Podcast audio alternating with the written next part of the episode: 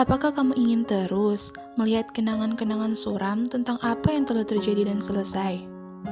Yang telah lalu, biarlah berlalu. Masa depan itu bergantung pada masa sekarang, bukan pada masa lalu.